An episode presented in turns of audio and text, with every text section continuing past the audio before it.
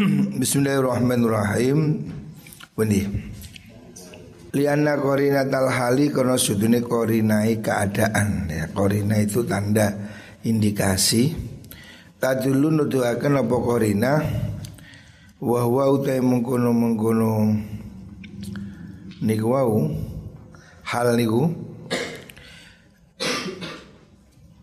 Iku dukhulul muhajirina mlebune kaum muhajirin al madinah ta ing negara Madinah. Wa hum muhajirin iku fuqara'u pira-pira wong fakir. Fa ghalaba mongko nglindi ala dzonni ing atase penyono. Apa anna masmi perkara yuhmalu? Kang den kowo ilahi maring mengkono kaum muhajirin iku bitariqi sadaqati kelawan dalan sedekah. Suma islamul mu'ti nuli utai islami wong kang maringi. Wayadu lan kekuasaan mengkuno mu'ti Iku ya iku Layadulani orang nuduhakan karuni ala annahu Ing atasi setuni mengkuno ma Syek Iku lai seorang apa ma Iku bisa dekatin kelawan sodakoh Wa kana lan ono sapa Kanjeng Nabi ku ya iku ah den undang sapa nabi. Ila dhiyafati maring piro-piro suguhan jamuan fayujibu mongko nyembadani mendatangi sapa kanjeng nabi.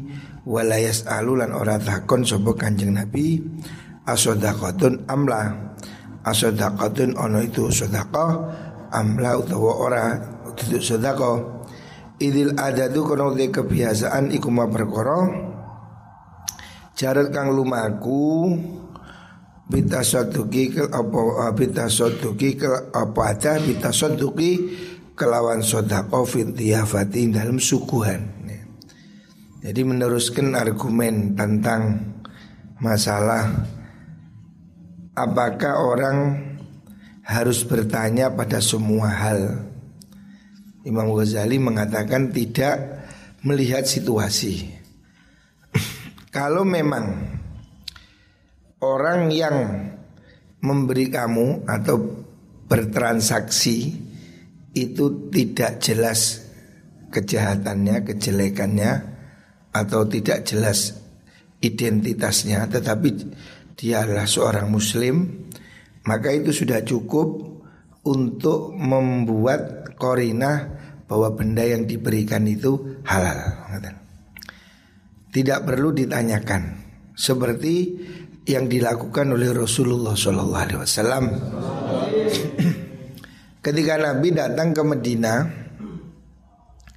dari Mekah hijrah ke Medina, beberapa orang memberikan apa hadiah, apa itu makanan dan lain-lain.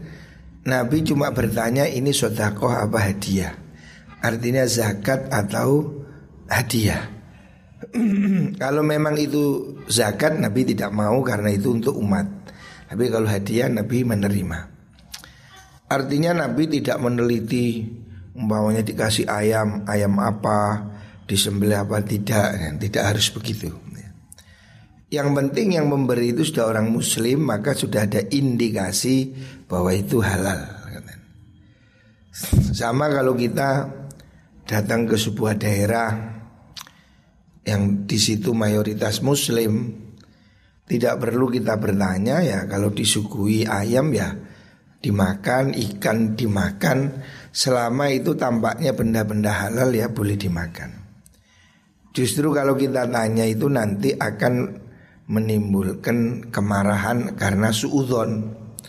Umpamanya kita diberi tetangga makanan, terus kita masih nanya, ini halal apa enggak? ayamnya disembelih apa enggak, beli apa nyolong. Nah, kalau kamu berkata begitu kan justru menyakiti hati orang. Ini adalah, adalah satu kasus, ya, satu contoh bahwa apabila yang memberi kamu itu tidak diragukan maka tidak perlu ditanyakan. Ya. Beda kalau umpamanya orang itu memang kelihatannya itu apa namanya itu penjahat, rampok ya, sesuatu yang dicurigai barang itu barangan barang curian atau tidak halal maka itu harus ditanya tapi kalau tidak ada keraguan dan indikatornya itu menunjukkan ya seorang muslim umpamanya dan dia memang menguasai benda itu berarti kan milik dia kata. Itu yang dilakukan oleh sahabat dulu juga demikian mereka tidak pernah menolak suguhan dan tidak pernah ngurus suguhan itu seperti apa. Karena ya tidak ada keraguan. Walidalika karena mengkono mengkono niku wau majarot bil adah niku taat ngundang hu ing kanjeng Nabi sopo Ummu Sulaim sahabat uh, Ummu Sulaim ya. Nabi pernah diundang untuk makan di rumahnya Ummu Sulaim ya. Wa duaul khayyat lan undangannya tukang khoyat seorang penjahit ada seorang penjahit pernah mengundang Nabi ya Nabi datang artinya Nabi diundang siapa pun datang makan dan tidak mempertanyakan aneh-aneh karena tidak ada keraguan. Kama kau keterangan fil hadis in dalam hadis Allah rawa kang riwayatakan hu ing hadis sapa Anas bin Malik radhiyallahu an. Wa qaddama lan nyuguhaken sapa mengkono Anas ilahi maring Nabi aman ing panganan. Fihi kang iku tetep ing dalam to'an fihi kang iku ing dalam to'am korun utawi waluh. Ya sahabat yang nyuguhkan ini itu tidak ada masalah. Wa du'a urrojuli lan eh, pengundangi wong lanang al farisi kang bongso farisi. Ada doa ur maksudnya ini undangan seorang yang uh, dari farisi farisi itu kan nama nama apa Persia ini jadi Nabi ini ini beberapa riwayat hadis ya yang diriwayatkan oleh ya, Imam Muslim, ada diriwayatkan dari hadis-hadis sahih ya mutafak alaih tentang kanjeng Nabi diundang beberapa orang ya. Seperti contoh diundang oleh Ummu Sulaim, diundang oleh seorang apa itu khoyat. Nah, ya, kemudian nah, di undang orang yang lain juga termasuk di sini. Ada orang Persi mengundang faqala maqadahu sapa Rasulullah sallallahu alaihi wasallam ana wa Aisyah Nabi mengatakan apakah saya diundang sama Aisyah berdua? Faqala ngucap Rasul la mboten ndak cuma satu faqala dawuh kanjeng Nabi? Fala ya saya ndak mau. Jadi Nabi kalau mau ngajak orang itu taren diundang Nabi tanya undangannya untuk berdua apa sendiri? Saya sama istri apa saya sendiri. Orang yang undang mengatakan jenengan saja. Oh ya sudah, enggak, saya enggak mau.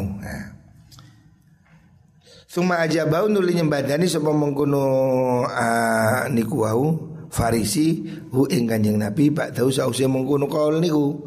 Setelah Nabi mengatakan tidak mau saya, kalau saya pergi sendiri saya nggak mau.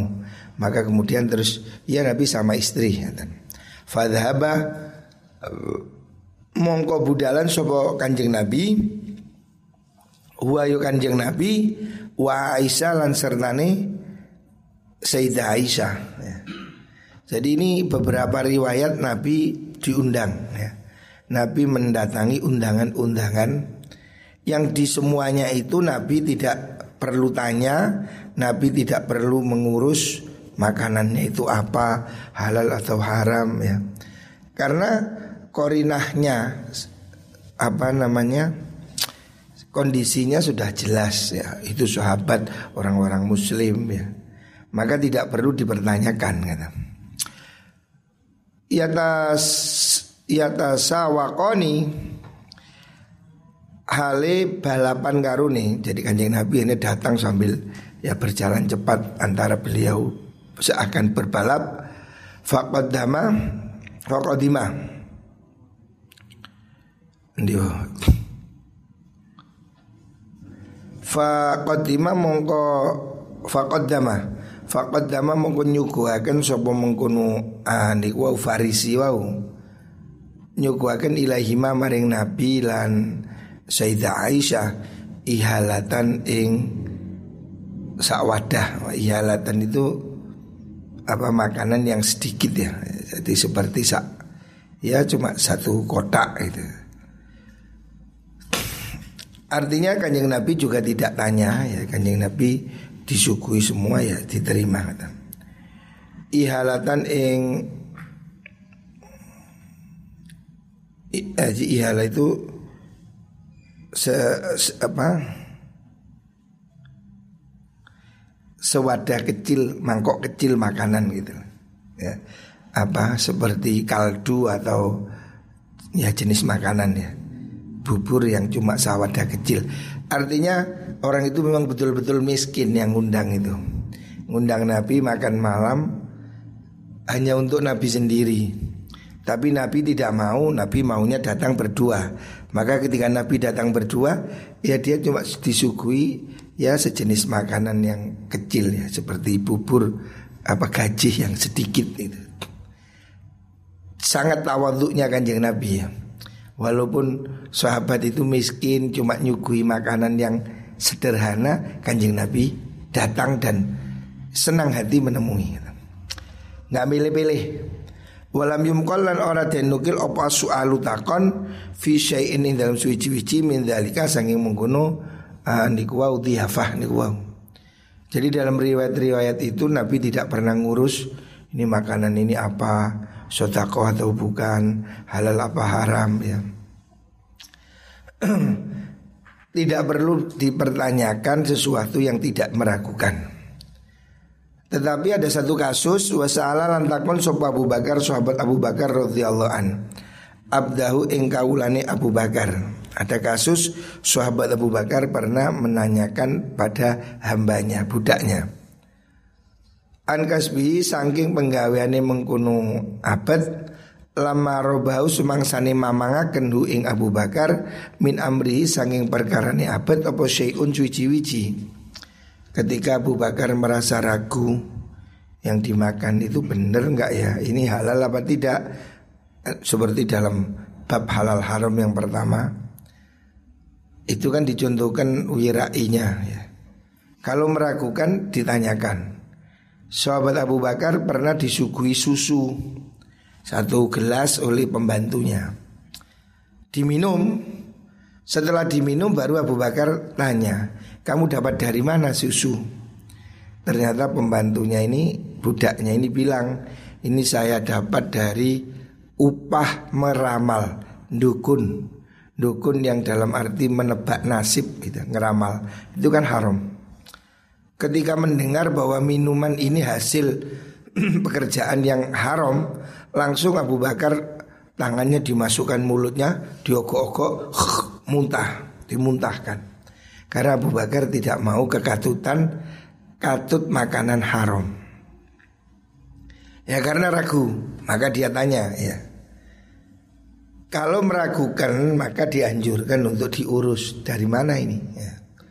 Kalau tidak halal ya itu Abu Bakar sampai pernah memuntahkan minuman yang sudah diminum Karena dia tahu minuman ini tidak halal Tetapi kalau dalam kasus yang tidak ada keraguan Ya seperti riwayat-riwayat hadis Kanjeng Nabi disuguhi makanan di beberapa tempat Sahabat-sahabat me ngundang Nabi makan, Nabi tidak pernah tanya ini makan apa, halal apa tidak, Nabi tidak ngurus. Karena sudah cukup. Orang yang memberi ini muslim dan tidak terkenal tercela sudah cukup indikasi bahwa barang itu halal. Benih. Wasala benih. Wasala lan takon sapa Umar Sayyidina Umar radhiyallahu an. Alladzi ing wong sakohu kang ing Sayyidina Umar maring nginum sapa alladzi ing Umar min labani iblis sadaqati saking susune unta sedekah idrobahu nalikani mamangaken hu ing Umar apa mengkono laban. Wakana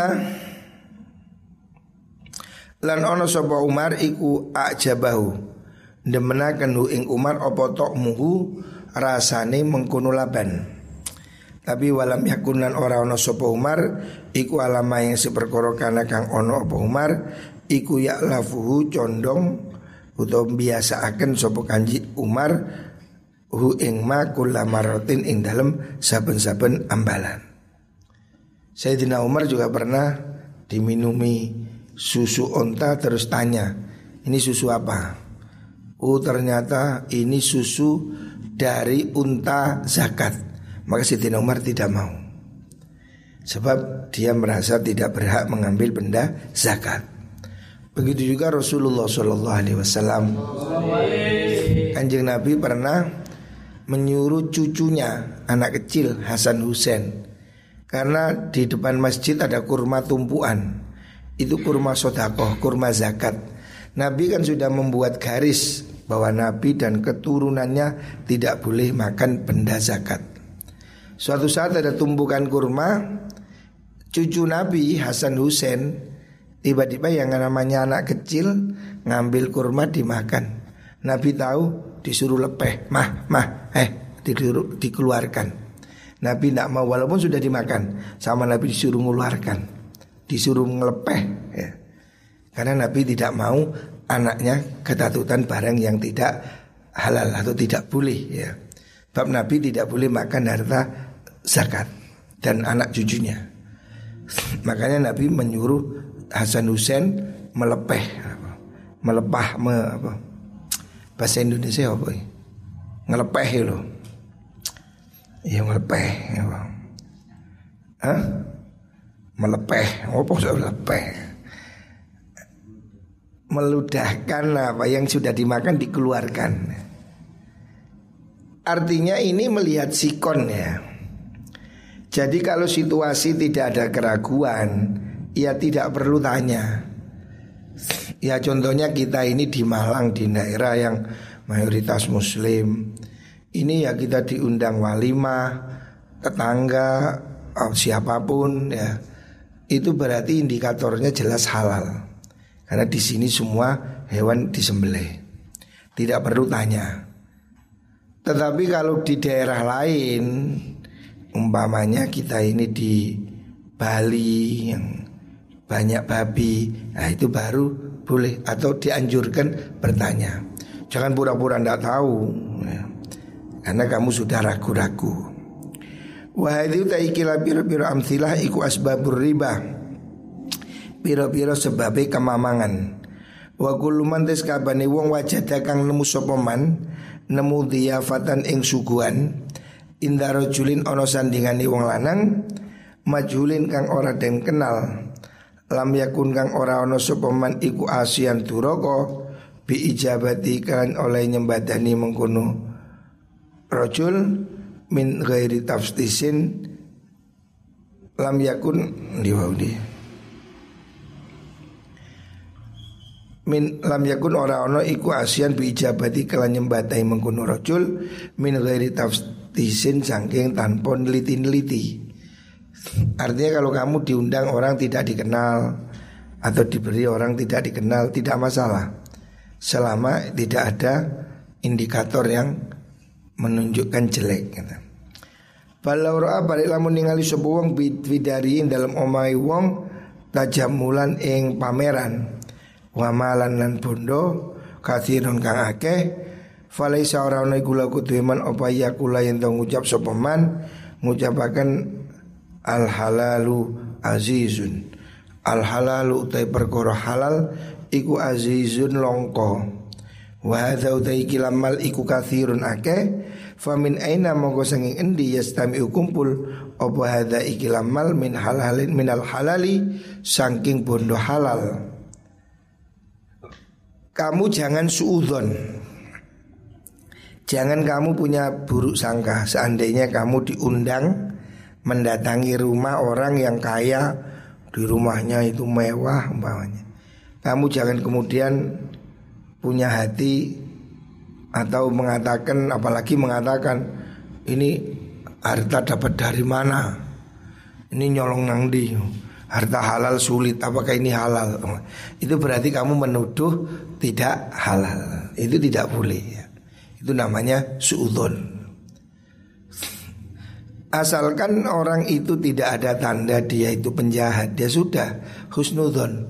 Mungkin dia dapat warisan, mungkin dapat harta karun ya. Tidak perlu nyelidik-nyelidik kekayaan orang lain Jangan iri sama tetangga Umpamanya tetanggamu kaya Kamu nggak usah lah usil Wah dari mana itu Nggak usah. Urusannya dia toh. Orang kerja rezekinya kan beda-beda. Jadi jangan memudah buruk sangka. Kalau ada teman tetangga kaya Janganlah kamu menuduh itu tidak halal. Sebab mungkin dia diberi Allah dengan cara yang yang lain kata. Bal hadza syahsu balik utai kila wong suwici bi ainihi kelawan kandane kahanane menggunakan syahs iku yahtamilu member apa ayakuna yen to ono sapa sahas iku warisa. Mewarisi sapa sahas malan ing bondo. Au iktasabahu utawa merkole nyambut gawe sapa wong ing mal. Fahuwa utai mengkono wong sahas bi ainihi kan kahanane sahas. Iku yastahiku ngahaki sopo sahas ihsana dhonni ing baguse penyono bi kan mengkono sahas jadi kita ini jangan mudah suudon. Kalau ada orang kaya ya punya Ferrari, punya jet pribadi umpamanya. Jangan terus kita suudon, jangan-jangan korupsi ya. Hari ini kan banyak kasus korupsi. Kita tidak perlu menuduh. Yang penting kita tidak tahu ya wis. Ya mungkin kan orang itu kaya dapat warisan atau punya kerjaan yang ajaib atau apa. Jangan suudon kalau ada orang lain punya kekayaan yang berlimpah. Apalagi sampai menuduh kamu punya tuyul ya oh, Jauh usah Itu dosa menyakiti hati orang lain Tidak perlu suudon Dan kalau kamu disuguhi Pokoknya diundang si fulan pengusaha kaya Keimangan enak is panganan lah wis ya. Kalau kamu senang wis manganan Tidak usah banyak selidik ya.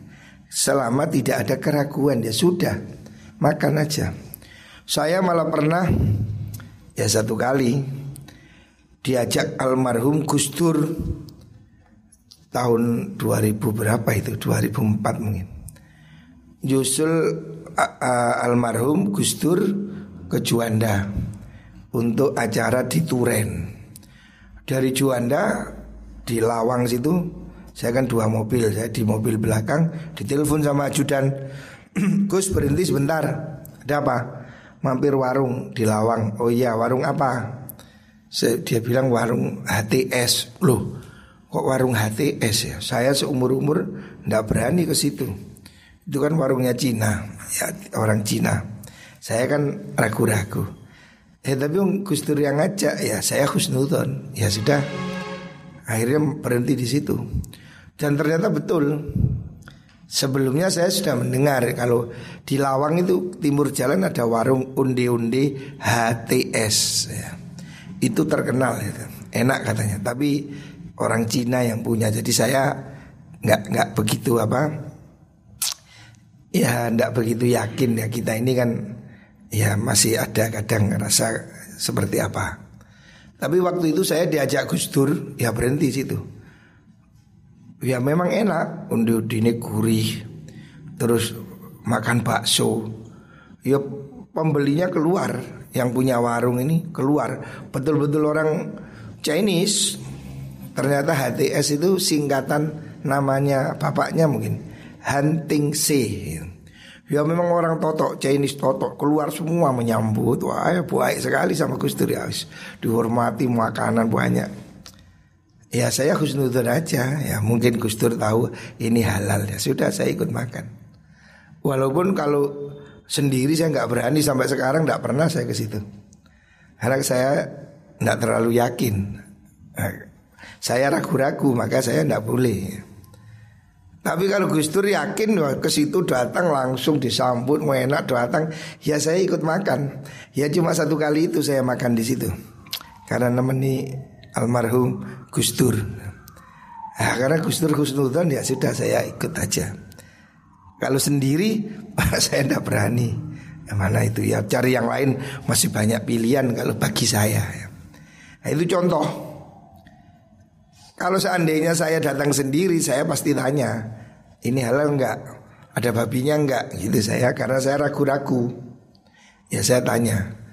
Tapi kalau dalam kasus itu, Ung saya bersama Gus Dur dan saya Husnudon, mungkin Gus Dur kenal. Jadi ya sudah tahu. Makanya ketika berhenti ya saya ikut. Ya melok mangan aku. Ya rotok aneh-aneh aja halal tak ora tak tak husnudon insyaallah. Halal. Mangan desa ya didik-didik. Tapi tapi ya seperti itulah. Karena dia yakin. Nah kalau saya kan ragu. Wa azyadu lan luweh nambah nambah wa azidu. Wa azidu lan nambahi ingsun. Ala hadza ing atase iki misal wa aku lan ngucap ingsun Laisa orano iku lahu kedue wong apa ayas alayen to takon wong hu ing rajul. Bal ingkana balik lamun ana sapa wong iku ya tawarrau amri wira sapa wong.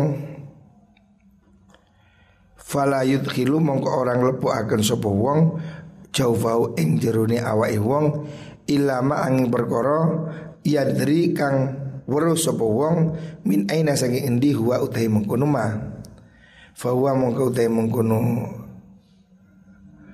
Utai mengkono ayat tawarro Iku hasanun bagus. Waliyat ala lan becik gawe alus Sopo wong fitarki dalam ninggal. Imam Ghazali menambahkan keterangan Seandainya kamu diundang orang ya, ya, Terus kamu ragu Ya sudah Kamu tapi tidak berhak untuk tanya.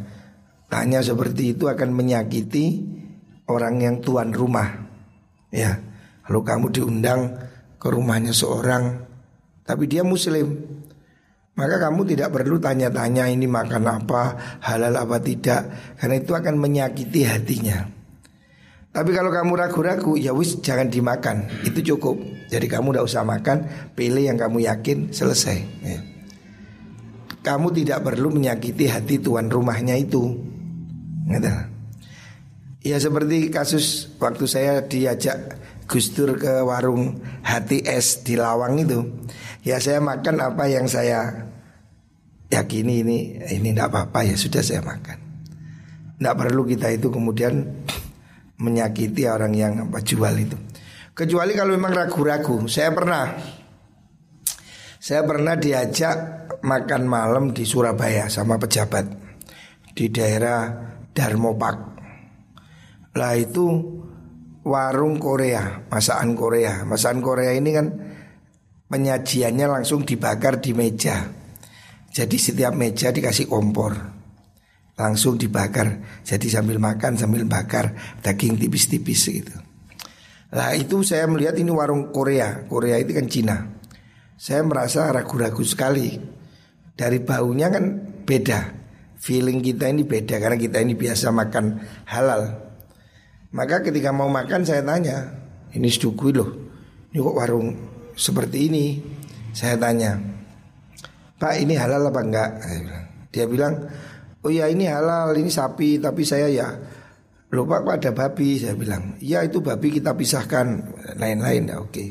Ini sudah bapak ini langganan di sini, oh iya. Tapi saya merasa kok nggak enak ya, karena kan satu warung, orangnya ngaku jualan babi. Ya walaupun dia bilang ini sapi Tapi ya kan ini ya diolah sama bareng dengan babi kan Maka saya bilang oh iya makasih pak Ya iya Sudah Begitu makan siap dimulai Api sudah dinyalakan Saya izin saya ke toilet Minggir naik taksi pulang saya Udah pergi saya ditelepon lo ke mana? Waduh sorry saya anu ke belakang saya bilang. Lo ini sudah ya, makan makan sudah. Saya pulang masih ke belakang. Ya ke belakang maksudnya nyengkre. Ya. Karena saya ragu. Baunya saya sudah ngerasa tidak enak ini baunya, aromanya, wah. Dan memang betul dia jual babi memang. Nah kalau begini ini kan saya kan menjadi ragu ya. Nah, Karena saya ragu ya saya tidak ikut makan Ya sudah saya pulang. Ya teman saya masih makan di itu. Terus setelahnya Besoknya kenapa kok tidak ikut makan? Saya bilang saya ragu-ragu Ya sudah nggak usah tanya, nggak usah tanya gimana. Wong saya lihat menunya ada tulisan menunya itu sapi, babi. Ya saya nggak usah tanya, tahu lah ini warung jual babi ya sudah. Saya pura-pura. Tapi kan saya tidak nyakiti orang. Ya, saya ke belakang pulang gitu aja. Artinya kalau kita ragu-ragu jangan dimakan. Ya, kalau ragu-ragu. Itu pernah juga saya waktu di Amerika yang diundang makan malam oleh dokter dokter Clark di Amerika Ya disuguhi ayam ya tidak saya makan. Ya saya ambil telur Saya ambil ikan begitu terus. Tidak makan dagingnya. Karena saya ragu-ragu ya. Jadi kalau ragu dihindari itu baik. Cuma menghindarinya harus dengan cara yang sopan Supaya tidak nyakiti tuan rumah. Makanya waktu disuguhi saya dikasih daging Oh iya terima kasih ya thank you.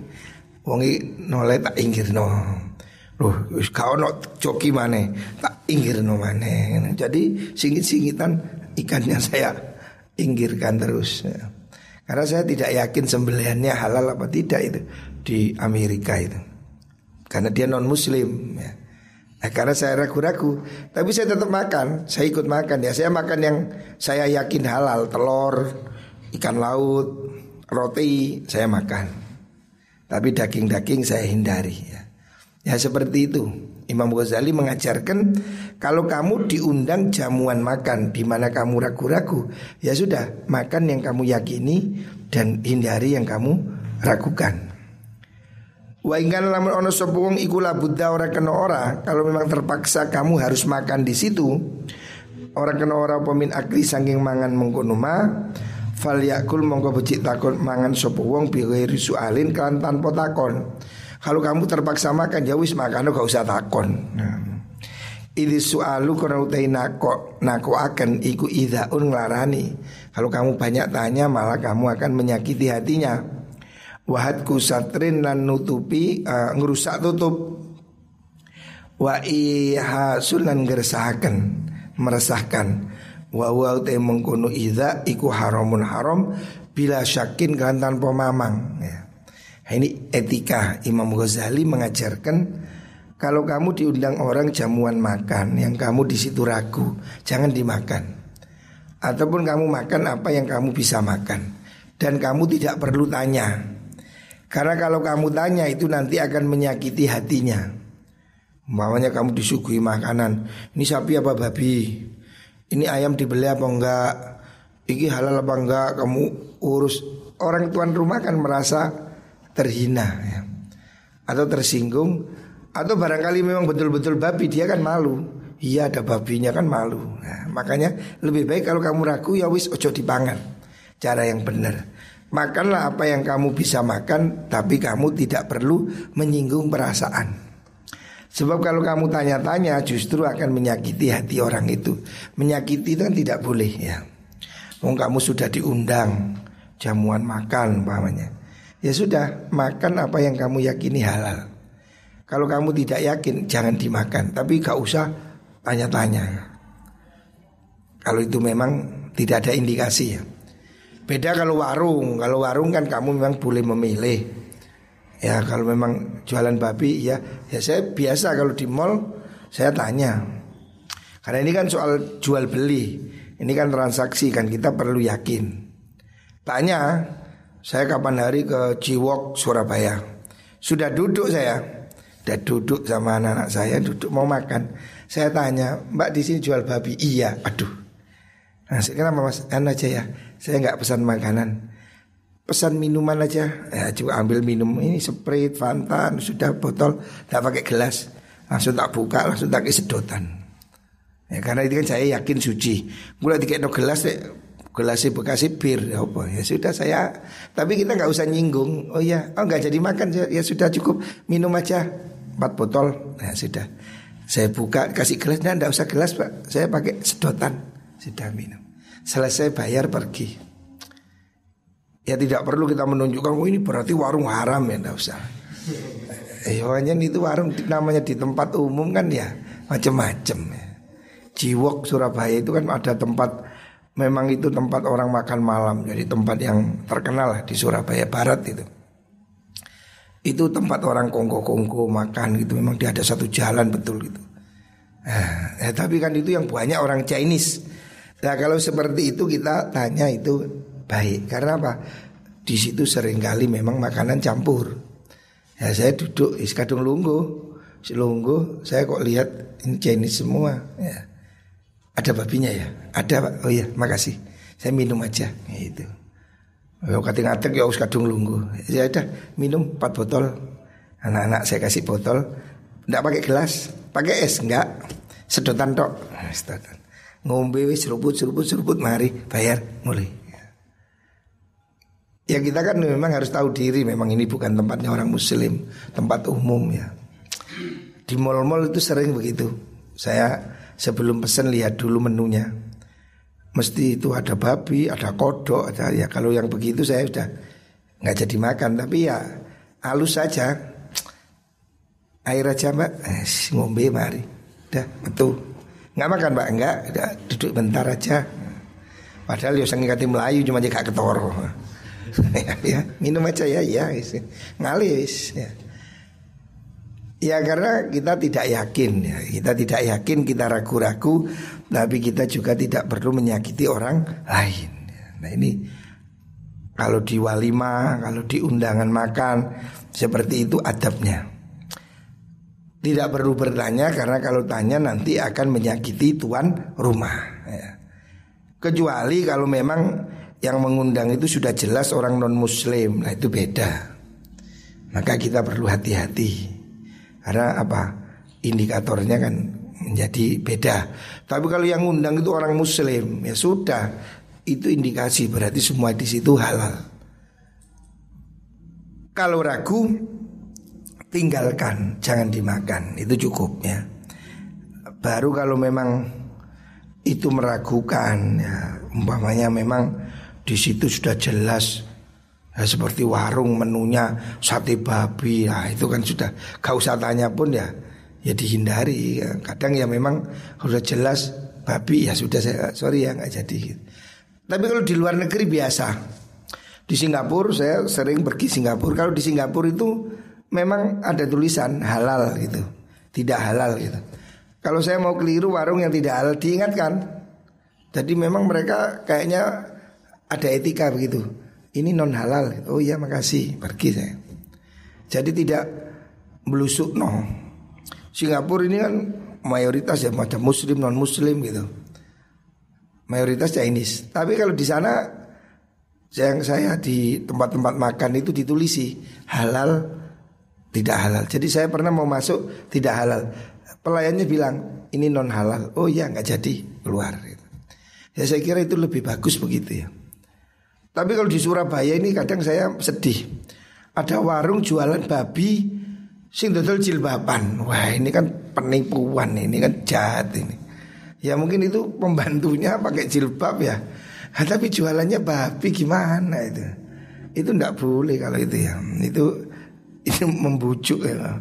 Kalau orang tertarik yang jual jilbaban padahal ada babinya. Hmm, saya ndak mau ya. Ya mesti kita hati-hati ya.